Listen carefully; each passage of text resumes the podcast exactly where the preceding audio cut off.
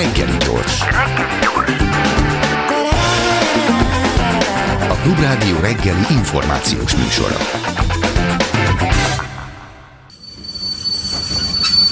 Reggeli személy. A reggeli személy pedig 9 óra 4 perckor Strumpf Bíró Balázs, jövőkutató, összeomláskutató, Akaszi Klimadaptációs Tanácsadó ZRT társ alapítója. Jó reggelt kívánok! Jó reggelt kívánok mindenkinek! Mindenféleképp magyarázatra szorul az összeomláskutató, mint tevékenység, vagy mint szakma. Mit jelent az? Igen, hát ezt el kell fogadnom, hogy valahol mindig ezzel kell kezdeni. A kollapszológia tudománya az komplex rendszerekkel foglalkozik. A komplex rendszerek viselkedésével, működésével, az idő és energiaigényes kialakulásukkal, ami viszonylag hosszú, és az ehhez a kialakuló, viszonylag hosszabb felépülő periódushoz mérten relatíve rövidebb és gyorsabb hanyatlásukkal és összeomlásukkal. Főleg ezzel az utóbbi résszel komplex rendszer lehet bármi egy ökoszisztéma, egy társadalom, vagy maga az egész civilizáció. Uh-huh. Itt esetünkben inkább társadalmak és civilizációk viselkedését tanulmányozzuk, hát abban a periódusban, ahol jelenleg élünk. Azt mondtam reggel itt a műsorvezető társammal beszélgetve, hogy, hogy lehet, hogy ez egy ilyen rossz hangulatú, baljós jövőt ígérő beszélgetés lesz, aztán mondta, hogy nem. Az apropója a beszélgetésünknek az, hogy a közelmúltban elérte a 8 milliárdot a föld lakóinak száma. Hány év alatt duplázódott? Meg nagyjából 20 év alatt, mikor mm. volt mikor 80-as években volt, vagy 90-es években volt 4 milliárd, aztán lettünk most hirtelen 8 Így milliárdon? Így van, hát ez lassuló tendenciát mutat, de, és ezt mindig fontosnak tartom kihangsúlyozni, hogy ha így mennek tovább a dolgok, ahogy eddig, rajtunk nem fog múlni, akkor valószínűleg a 30-as évekre várható a 9, és valahol az évszázad közepére a 10 milliárd, ahol elvileg, vagy annak a környékén tetőzni fog Hát, hogy aztán ez mennyire alakul így, vagy másképp, hát ezt majd az idő dönti el. Mit kell kezdenünk azzal, hogy, hogy önnek is, meg nekem is van 7 milliárd 999 ezer 999 társa itt a Földön, akik ugyan nem teszik fel ezt a kérdést, de nyilván nagyon sokak számára az az, hogy, hogy jó ez nekünk, hogy ennyien vagyunk. Ez egy teljesen szubjektív meglátás, hogy jó vagy nem jó. Alapvetően a kérdés úgy szokott inkább felmerülni, hogy sok ez vagy kevés, illetve hogy hány ember kép, tud... De, de mihez képest sok, vagy mihez képest kevés? Van. illetve, hogy tulajdonképpen mennyi embert is képes eltartani a Föld.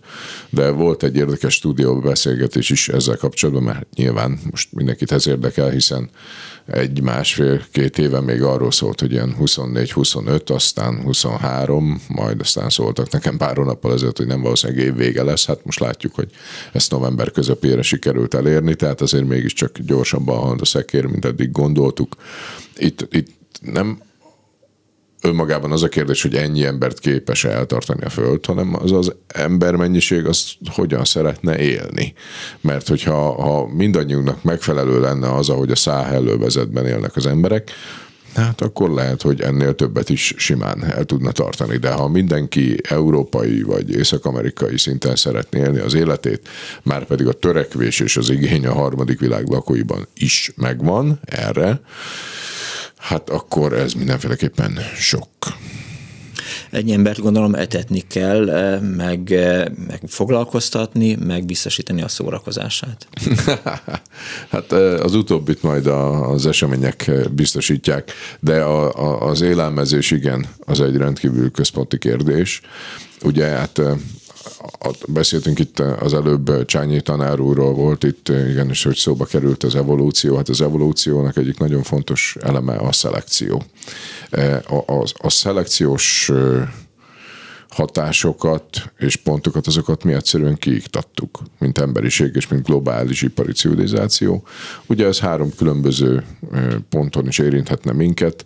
Az egyik, hogy egy olyan ragadozó faj, ami belőlünk él, ugye ha mi elszaporodunk, ők is elszaporodnak, aztán ha már kevésbé vagyunk jelen, akkor ők is kevésbé lennek, lesznek nagy számban jelen, és beáll újra a dinamikus egyensúly mellette ott van az, hogy mondjuk fölzabáljuk a, a, az élelmiszertartalékainkat, tehát egyszerűen éhezés tör ki.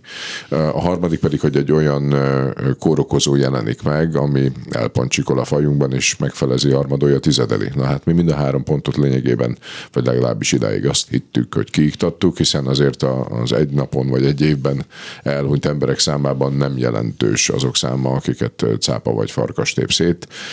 Az ipari mezőgazdasággal egyenlőre megoldottuk az élelmezést, az, hogy hogyan van elosztva, az már egy teljesen más kérdés, és hogy milyen arányban végzi a kukában, de elvileg sikerült, tehát a 70-es évek után bekövetkezett zöld forradalom, ami masszívan fosszilis energiafüggő. Ezzel sikerült ezt a problémát áthidalni, és hát a legutóbbi időkig azt hittük, vagy azt gondoltuk, hogy félistenként a természet fölött lebegünk a kórokozók kapcsán is. Hát ezt a legutóbbi két és fél év bizonyította, hogy nem így van. Milyen kihívásokat jelent 8 milliárd ember az összes többi számára? Tehát mi a legnagyobb?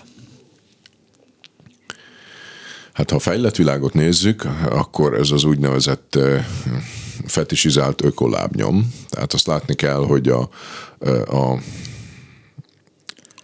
a vagyon és az azzal járó fogyasztás, illetve az abból eredő karbonkibocsátás, hát az, az nagyon aránytalanul van elosztva. Tehát a, a, a felső a top 1 százalék birtokolja ugye a vagyon felét, Igen. és a 10 százalék a 80 százalékát. Na ilyenkor szoktak az emberek eh, a, a hollywoodi, meg a, a szilikonvölgyi nagymogulokra gondolni. Hát ezt egy picit tegyük rendbe.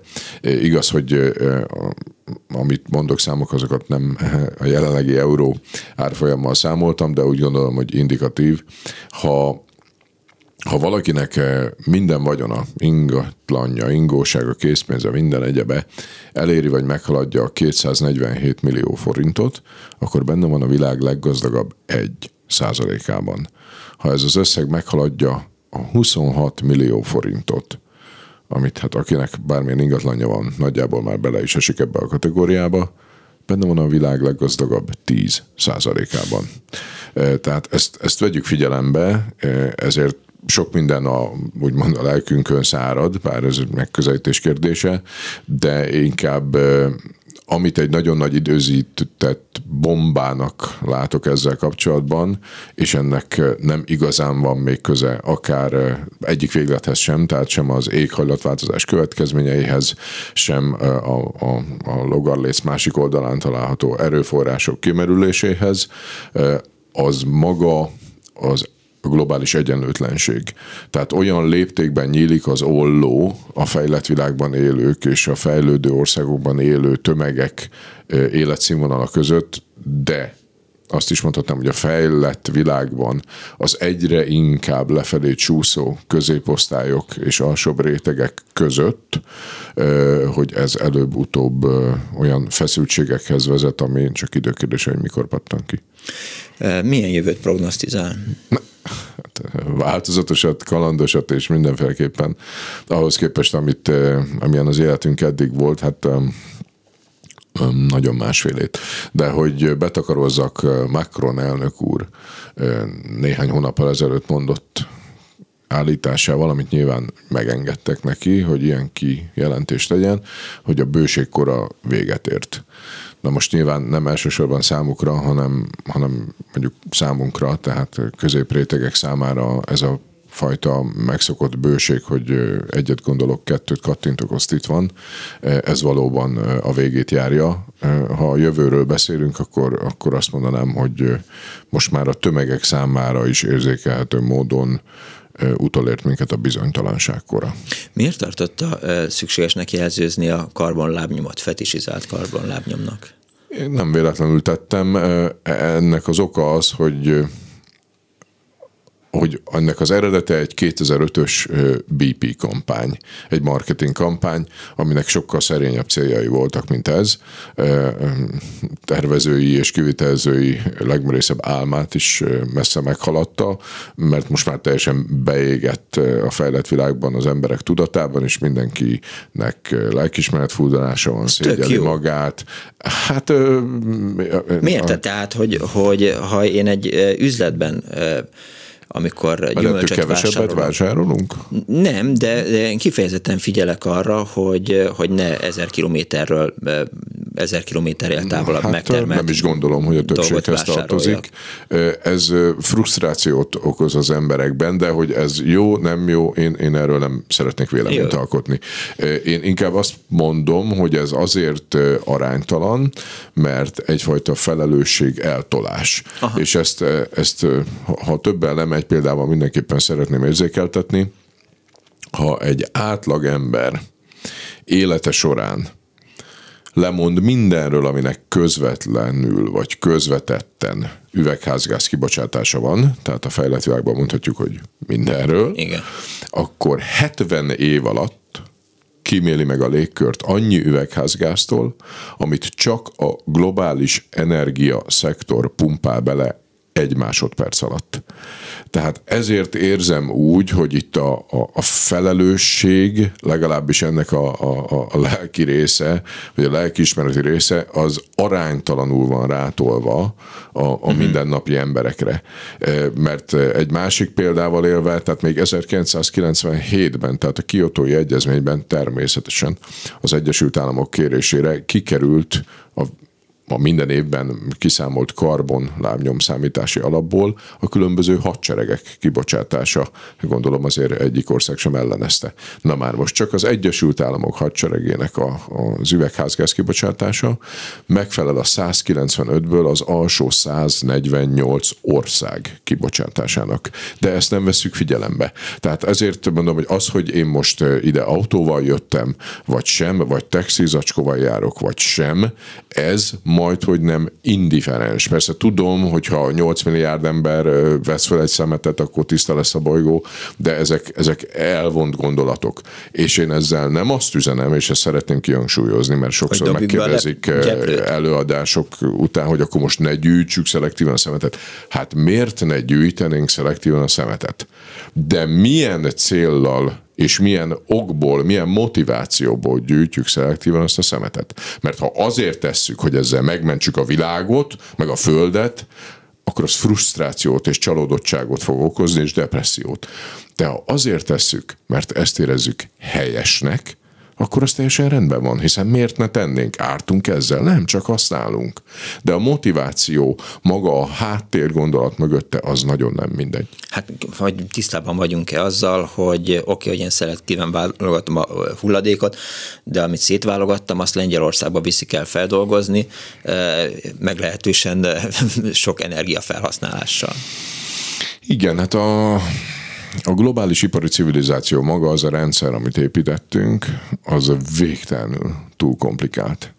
És, és olyan szinten összetett, ami teljes mértékben életellenes, és amikor ugye egy komplex rendszerben beáll a homeosztázis, tehát úgy, úgy normálisan működnek a dolgok, erre mondtam korábban, hogy dinamikus egyensúly, akkor ez a fajta rendkívüli összetettség, ami a, a fejlettségét és végeredményben a sikerét okozta, akár egészen apró lépések miatt megváltozó körülmények között ez a fajta összetettség a végét is jelentheti. Éppen ezzel szembesülünk itt a globális ipari civilizáció kapcsán, amikor a pandémia miatt, vagy csak akár a Suezi csatornában egy keresztbe fordult hajó miatt akadoznak, meg leállnak a dolgok. Tehát az ellátási láncok annyira sérülékenyek, és olyan léptékben vagyunk kitettek, nagyon alapvető dolgot mondok, az élelmiszerellátásunk tekintetében a nagy rendszernek, hogy az ijesztő. Azt írja a hallgató, szép lenne, ha csak 32 fokig szerelhetnének betonacélt, mondom majdani főnökemnek, hogy a katari rabszolgáknál ezt vezették be. Ez nyilván a labdarúgó VB-vel kapcsolatban írta nekünk a, a hallgató.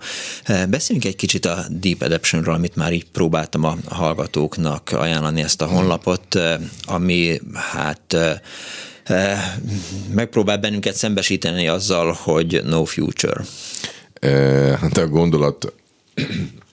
utolsó két szavát azt azért nem fogadom el.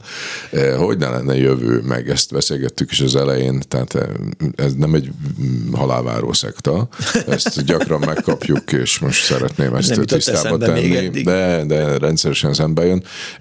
Hogy ne lenne jövő, meg mi az, hogy a világ vége? Hát kezdjük már az, hogy mi az, hogy világ. Én nem szeretem ezt a kifejezést, mert ha azt mondjuk, hogy világunk, akkor talán más, de miért lenne a világnak vége? Hát az életnek meg pláne nem. Minden civilizáció, az egyébként végtelenül rövidke emberi írott történelem folyamán, minden civilizáció felemelkedett, majd elbukott és eltűnt valamilyen formában biztosan. A globális ipari civilizáció olyan nagyra nőtt, hogy nyilván hát aki magasra mászik, az nagyot esik. Ez egyébként sem egy elkerülhető folyamat, de ezt természetesen folyamatosan gyorsítjuk a, a nem túl észszerű döntéseinkkel. A kollégám szokta mondani, hogy mindig tartsuk szem előtt, hogy emberként a legrosszabb dolgokat is drasztikusan tudjuk rontani. Hát ez a körülöttünk levő helyzetben tetten is érhető. De alapvetően nem arról van szó, hogy itt egyik reggel felkelünk, és akkor Mad Max lesz, vagy lemegy a roló, azt vége mindennek. Tök jó hanem, volt ez.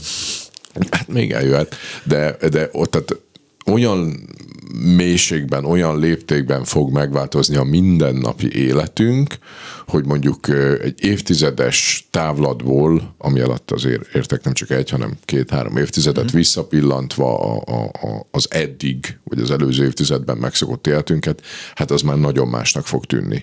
Tehát itt, itt magának a globális ipari civilizációnak a hanyatlásáról, adott esetben összeomlásáról beszélünk, és amikor azért nem ideális kifejezés az összeomlás, és mégis ezt használom, hiszen a fejünkben az egy, az egy eseményt érzékel. Tehát ugye, ha egy ház összedől, az nem két hónapig dől össze, hanem lerogy, az vége van. Tehát ezért ez nem ideális a leírás a folyamatnak ez uh-huh. a mhm. szó, mert itt sokkal inkább, ahogy az előbb is mondtam, folyamatról van szó. Tehát egy olyan esemény sorozatról, ahol egyik baj a másikat éri. És ugye komplex rendszerek életét, ez az úgynevezett ennek a görbe írja le, ami azt mutatja, hogy a kialakulásuk, felépülésük egy relatíve hosszú idő és energiaigényes folyamat, de amikor a komplex rendszer eléri növekedésének határjait és felemészti az erőforrásait, akkor a felívelő periódushoz képest a hanyatlása és az összeomlása egy viszonylag rövid Aha. és gyors folyamat viszonylag, tehát a felívelő periódushoz képest, de még az is eltarthat évtizedekig. Tehát a, a Grindex-es interjú végén jelent meg az a gondolat John Michael Greer-től, hogy a, az ipari civilizáció összeomlása az jó ideje folyik, és még akkor is történni fog, amikor már egyikünk se lesz életben. Tehát ez egy folyamat, de hogy a Seneca görbe lefelé menő íve, aminek egyébként a meredekségét sok minden mellett majd mi is befolyásoljuk, azt ne egy egyenes vonalként képzeljük el, hanem sokkal inkább egy színusz görbeként, ahol lesznek egyre ritkábban, egyre rövidebb időre, de lesznek felívelő periódusok, amikor úgy érezzük, hogy most jobb. De alapvetően a rendszer a, a hanyatlás útját járja. Egy kicsit beszélgessünk, vagy ha gondolja, akkor, akkor érintsük a környezetvédelmet. Az egyik ismerősem hívta fel a figyelmet arra, hogy milyen hatása van mondjuk a klímára annak, hogy, hogy, hogy Kecskeméten folyamatosan, miután ott van a Mercedes gyár, és próbálják megúszni, hogy a parkolóban tárolt autók megsérüljenek, ezért rendszeresen szétlövik a felhőket, viharfelhőket Kecskemét fölött. Egész nyáron nem volt egyetlen vihar sem, mondjuk az egész Alföldön szárazság volt, volt, de azért érezhető az nyilván kismértékben, hogy, hogy ez senkinek nem tesz jót. Hát a geoengineering, vagyis az, hogy bele akarunk nyúlni a dolgokba, akár javító szándékkal is, annak nagyon komoly következményei lehetnek. Részletekbe azért nem mennék, mert alapvetően amit eddig tettünk, és amit folyamatosan teszünk, ahogy az előbb is említettem, azzal folyamatosan rontunk a helyzeten. És én személy szerint, és akkor itt egy picit visszakapcsolunk az előző kérdéshez, mert az, még tartozom, de a mély alkalmazkodás is azt a megközelítést vallja, hogy ezt a világot nagyon megváltani már nem fogjuk így, így emberekként. A döntéshozóink, meg akik, meg azok a gazdasági érdekcsoportok, akik működtetik ezt a rendszert, hát ők meg pláne nem. Viszont a, a szorongás. Akkor minden fit for 50 az, az csak ilyen tojásfestés, hogy is mondjam. Mondjuk azt, hogy greenwashing, és akkor tudom azt mondani, hogy nem az én véleményemet mondom, hanem egy álláspontot. Igen, igen, tehát ez, ez bizonyos szempontból port szórunk a saját szemünkbe, neki ilyen szembesül. Az embernek a kognitív működésében van egy ilyen funkció, hogy nem szereti a rossz dolgokat, és nem is tud hosszú távon el is gondolkodni. a világkormány, nem hát mondjuk igen, meg, de azért ne tekintsünk el attól, hogy ez egy mennyire jó üzlet. Tehát az, hogy szégyed magad, hogy dízelautóba ülsz, miért nem vettél még elektromosat, ez újra osztja a piacot. De Igazság szerint nem erre szeretnék fókuszálni, mert ugye itt uh, szóba került ugye a gyerekeknél, ami egy nagyon fontos kérdés, nem tudom eléggé hangsúlyozni a jelentőségét, a szorongás. Igen, a, a beszélget, szorongás... bocsánat, a hallgatóink kedvéért mondom el, tehát nem a beszélgetésünk során, hanem Igen, még a, mielőtt elkezdtük volna a beszélgetést, a hivatalos beszélgetést, hoztam szóba a, a klímaszorongást, vagy bármilyen fiatalok közében megjelenő szorongást, amit nyilván a jövőtől való szorongásként azonosítok. Így van, a bizonytalan jövő, és hát ez nyomasztja az emberek döntő többségét.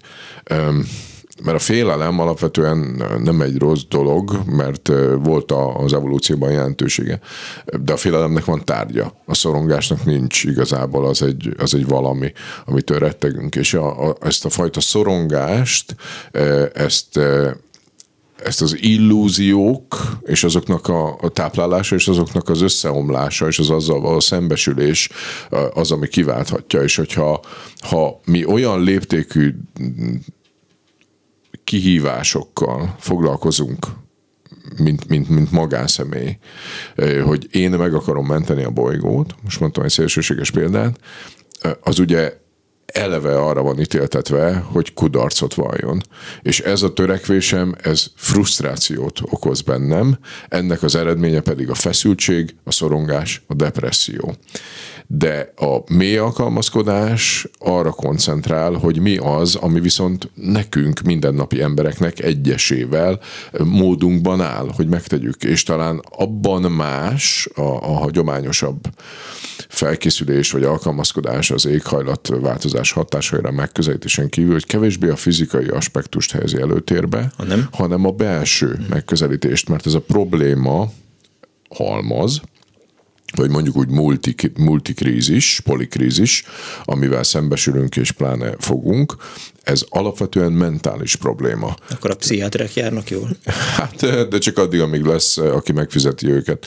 De, de egyébként dolgozunk mi is velük, hogy kifejleszünk egy olyan programot, ami, ami tényleg támaszt jelent az embereknek. Mert itt, itt itt nem az lesz a nyerő, aki másfél tonna WC papírt felhalmoz, hanem az, aki megfelelő lelki erővel rendelkezik, vagy hogy káromkodjak mentális rezilienciával, ahhoz, ahhoz, hogy a, a, én szeretem a magyar nyelvet, ahhoz, hogy, hogy a, a gyorsan változó, nehéz helyzetet is fel tudja dolgozni. Mert aki jancsiszög lesz, és újra és újra talprál, az meg fogja oldani ott azt az adott problémát. A, a, a nagy világ megváltást nem, de mindig optimális helyzetre fog törekedni, és ami amivel szembesül, arra törekszik, hogy azt megoldja. Ez, ez rajtunk áll, és a, a belső világunk megteremtése, tehát ennek a, a ezért a Cassandra program, ami a mély alkalmazkodás elvein alapul, az elsődleges célkitűzése a szemléletformálás. Mert az embereket konfrontálni kell ezekkel az információkkal olyan módon, ahogy azt ma elvárják tömören, érthetően, audiovizuálisan egy TikTok videóból értsen meg az univerzum működését. Jó, a magyar parasztság, a vidéki magyar parasztság az így él nem tudom hány száz év óta, időnként van asszály, időnként éjjel vannak, időnként jönnek a tatárok, aztán megoldják a problémát, nincs más választásuk. Semmi olyan dolog nem fog történni ezen a bolygón, ami még ne történt volna ezen a bolygón. Nem ez az alapvető probléma, hanem a változások léptéke, gyorsasága, mélysége, gyakorisága, és ezeknek a kombinációja olyan léptéket ér el, amivel az ember de legalábbis a legutóbbi fejleménye a globális ipari civilizáció biztosan, hogy nem szembesült még. És láthatjuk, hogy milyen apróságok egy egy nem túl agresszívnek mondható járvány, egy háború, egy keresztbefordult konténerhajó képes megrecsenteni ezt a rendszert. Tehát olyan léptékben túl komplex, hogy rendkívül sérülékeny. És ezért visszautalva a programra, itt, itt amit első lépésbe tehetünk, az, hogy megértjük a minket körülvevő folyamatokat, mm. megismerjük azokat, megértjük az összefüggéseket, és nem azért, hogy ebből doktoráljunk, hanem azért, hogy megértsük azokat a következményeket és hatásokat, amik ebből kifolyólag majd aztán minket, a mi életünket, meg a családunk, a szeretteink életét érinti majd, és ebből tudjunk levonni olyan helyes következtetéseket, hogy akkor ennek függvényében mit érdemes tennünk, és meghozni fontos döntéseket az életünkkel kapcsolatban. Igen, a honlapon egyébként van egy összeállítás száz kérdés, amire az embernek választ kell adni. Nem, hát nem ne, kell, de érdemes. Amire érdemes választ, de hogy, hogy, hogy például igen, oké, rendben, szembesültünk azzal a helyzettel, a problémával, ami, ami előttünk áll, és akkor mi, mi a dolgunk? Mit kell tennünk? Hát leges legelőször is én azt gondolom, hogy ö, ö, rendszer vagy közösségi szinten, ami a, a legfontosabb dolog lenne, hogy őszinte beszélgetéseket folytassunk eh, arról, hogy esetleg lehet, hogy mégsem sikerül egy csodaszerrel megoldást találnunk minden problémára, vagy ahogy Jem Bendel, ugye, aki a mély alkalmazkodás mozgalom útjára indította, ő 2018-ban publikált egy, egy rövid írást, amit egy tudományos folyóirat sem volt hajlandó megjelentetni, nem azért, mert szamárságot írt benne, azt hangsúlyozom 2018-ban, hanem azért, mert ezzel indokolták, hogy olyan őszinte módon és közérthetően mond dolgokat, amit nem szabad az emberekkel ilyen léptékben és, és, és ennyire őszintén közölni. Ezt nem hiszem el. Tehát... De, de ez volt az indoklásuk. Hangsúlyozom azért azóta sokat változott a világ, de a mainstream még mindig nem erről szól, hanem az, hogy ne huhogjunk, mert akkor csak passzivitásba, meg depresszióba toljuk az embereket. De annak a, a, a gondolatnak, a, nem is az elfogadása, bár én ezt egy nagyon fontos dolognak tartom a megbékéléshez, de legalábbis a mérlegelése, hogy túltoltuk Béláim, ez rendkívül fontos. Hát egy nem múltkori beszélgetésben jött fel ez az analógia, hogy amikor elutazunk külföldre, senki nem tart pisztolyt a fejünkhöz, meg van olyan, aki semmit se csinál, és akkor ezt se csinálja, de az emberek döntő többsége saját elhatározásából köt utasbiztosítást olyan dolgokra, amik rendkívül alacsony eséllyel történhetnek meg. Na már most, ha itt különböző forgatókönyveket nézünk, akkor az a jövő, ami ránk vár, ennél jóval magasabb százalékban történhet meg. Vagy és nem is köt, de nem köthetünk rá biztosítást. Hát a biztosítást nem köthetünk rá, de az, hogy nem foglalkozunk vele, és a homokba dugjuk a fejünket, az ennek pontosan az ellenkezője. Tehát a legalapvetőbb dolog az lenne, hogy eljátszunk a gondolattal, miután megismertük a folyamatokat, az összefüggéseket, és azt mondjuk, hogy oké, okay, ha ebb, ennek van bármennyi esélye, és ilyenkor szokta a kollégám mondani, hogy ha csak 10% esélye van, na jó, akkor ki az, aki fölugrik egy olyan repülőgépre, ami 10% esélye biztos nem éri el a célját. 90%-ban igen, de 10%-ban biztos nem. Hát valószínűleg azért annyira nem mennénk, mert jelenleg ez ilyen ezrelékes uh, arány, ami, ahol uh, légibalesetek történnek. Tehát 10% az persze relatív, hogy sok vagy kevés, de ha csak ennyi, nem éri meg foglalkozni ezzel a kérdéssel, amikor olyan léptékű a tét, amihez hasonlót nem is tudok mondani? Mert hogy nincsen hatásunk a megváltoztatására. Lehetőségünk. A befolyásolására lehetne, de inkább elvi. Egyszerűen azért, mert két irányból lehetne ennek hozzáállni. Alulról, ennek ugye az a problémája, hogy ön úgy dönt, hogy nem eszik húst, én nem ülök repülőre, az úra az üveg mögött, ő meg letekeri a fűtést, mert spórol. Hát ez mind csodálatos, csak valószínűleg ön repülővel utazik, én fűtök, mint az állat, ő meg húszabál. Tehát erodálódnak ezek a fajta kezdeményezések, és nincsen reális esélye annak, hogy még egy relatíve kisebb közösségi szinten, mondjuk mint egy ország, eh, nem az, hogy globálisan mindenki egyességre jut, és majd úgy fogja csinálni. Hát volt erre példa? Nem igazán. Bármi megtörténhet, de kicsi az esélye. A másik irány fölülről, hát én nem tudom elképzelni azt, hogy vezetőink, globálisan mondom, bármilyen kormányról beszélhetnénk, hogy vezetőink ne úgy viselkednének, mint egy átlagos homo sapiens sapiens, aki ráadásul a lehetőségek közelébe ért, és majd a hosszú távú előnyöket tartanák szem előtt, ez nem gondolom, hogy reális. Talán éppen a Kubiton jelent meg, hogy azért nem találunk más értelmes civilizációkat az univerzumban, mert azok annyira túlfejlődtek, hogy már ki is pusztultak.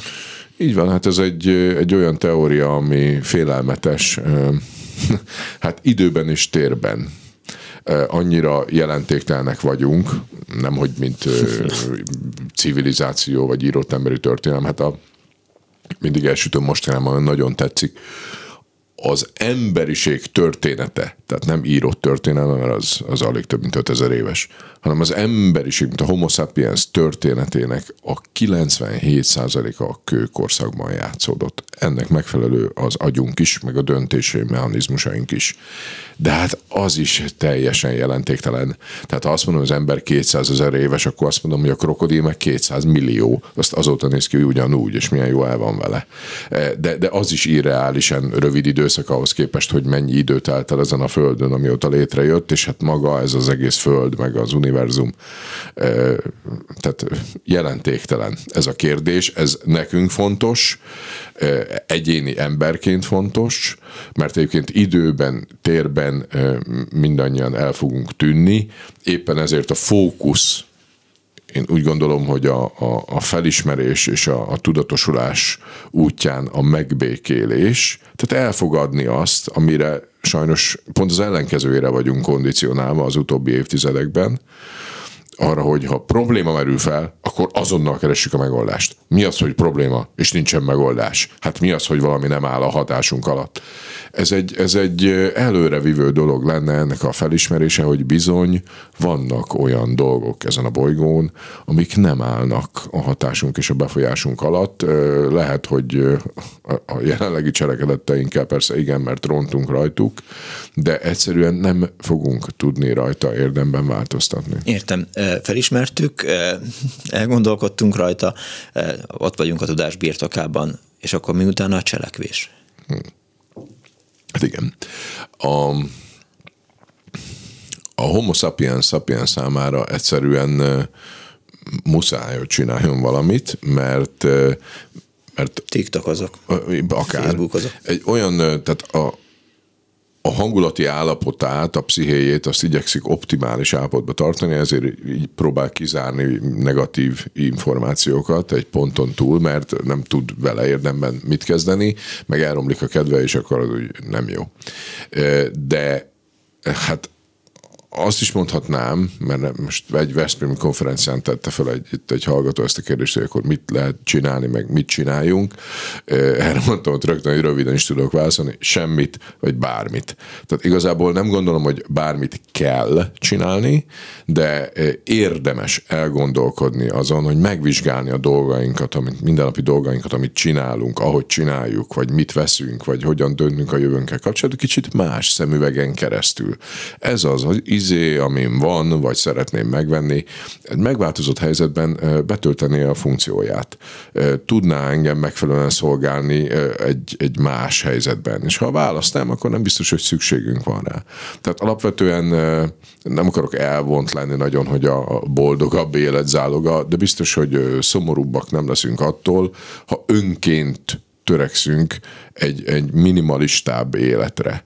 És sokkal inkább, és ezt ne hedonizmusként fordítsa le, aki rögtön így ugrana neki, bár nekem azzal nincsen problémám, de megtanulni a jelenben élni, és talán ebben nyújthat segítséget a mély alkalmazkodás, ami ugye a mélyalkalmazkodás.hu-n elérhető, hogy segít az embereknek átértékelni a dolgokat az életükben, és kicsit másképp látni, és másképp megbecsülni azt, amiük van, meg azokat, akik körülveszik őket. A jelenben élni, mert nem vagyunk másutt. És ugye említettem az előbb itt a felkészülés kapcsán, hogy ami igazából mindenkinek rendelkezésére áll, az a mentális felkészülés, a lelki erő megerősítése. De a másik, ami legalább ilyen fontosságú, ha nem fontosabb, persze melós, az az emberi kapcsolataink értékkel, értelemmel, tartalommal, élettel, szeretettel való megtöltése. Mert eljöhet az idő, és... Ezt hívják attól, kereszténységnek. Hát ezt kinek, minek hívják itt? Ez a szép a mi alkalmazkodásban, hogy nem is engedünk címkézni dolgokat. De olyan belső értékek megteremtése emberi kapcsolatok között, hogy valamilyen érzelmi kötelék, támogatás jöjjön létre ember és ember között, amire támaszkodhatunk, mert eljön, eljöhet és vélhetőleg el is fog jönni az az idő, amikor nem marad semmi másunk. És hogy akkor hányan lesznek, akik számíthatnak a másikra, hát ez kulcsfontosságú lesz. Hát közösséget kell építeni? Törekedni kell rá. Én ebben sem táplálok illúziókat, mert az a fajta megoldás, ugye én nem használom ezt a kifejezést, hogy mi már egyszer-kétszer leveleztünk az interneten, és akkor tanyát veszünk, és ott akkor majd adjusztáljuk az állatokat. Ez általában nem működik. Egyszerűen azért, mert szerintem így, ön szerint úgy, és akkor majd kívánjuk egymás édesanyját valamerre, és mindenki megy haza, ahonnan jött. Nem érlelte meg az idő ezeket a fajta emberi kapcsolatokat. Nem véletlenül Magyarországon az egyetlen ilyen hosszú ideje működő rendszer az a Krishna völgy. Mert ott van egy értékalap. Azt elfogadod, benne vagy nem, akkor nem. De ezért gondolom azt, és a mély alkalmazkodásban, meg a 100 pontos kérdőiben, a reziliencia tesztben is arra törekszünk, hogy ha már valóságról beszélünk, akkor a, a fizikai valóság alapján ösztönözzük a közösségeket ott, ahol lehetnek, ahol fizikailag vannak, ez pedig a szomszédság.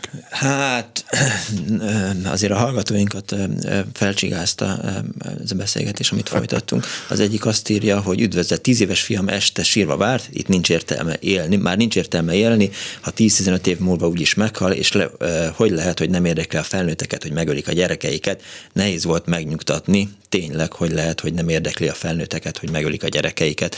Illetve egy másik hallgató azt írja, ezt halva mit mondjak a 20 éves fiamnak, mit, mihez kezdjen kérdezik, hogy mély alkalmazkodás, nem mély alkalmazkodás. Deep Adaptation a honlap mély alkalmazkodás.hu, igen. igen.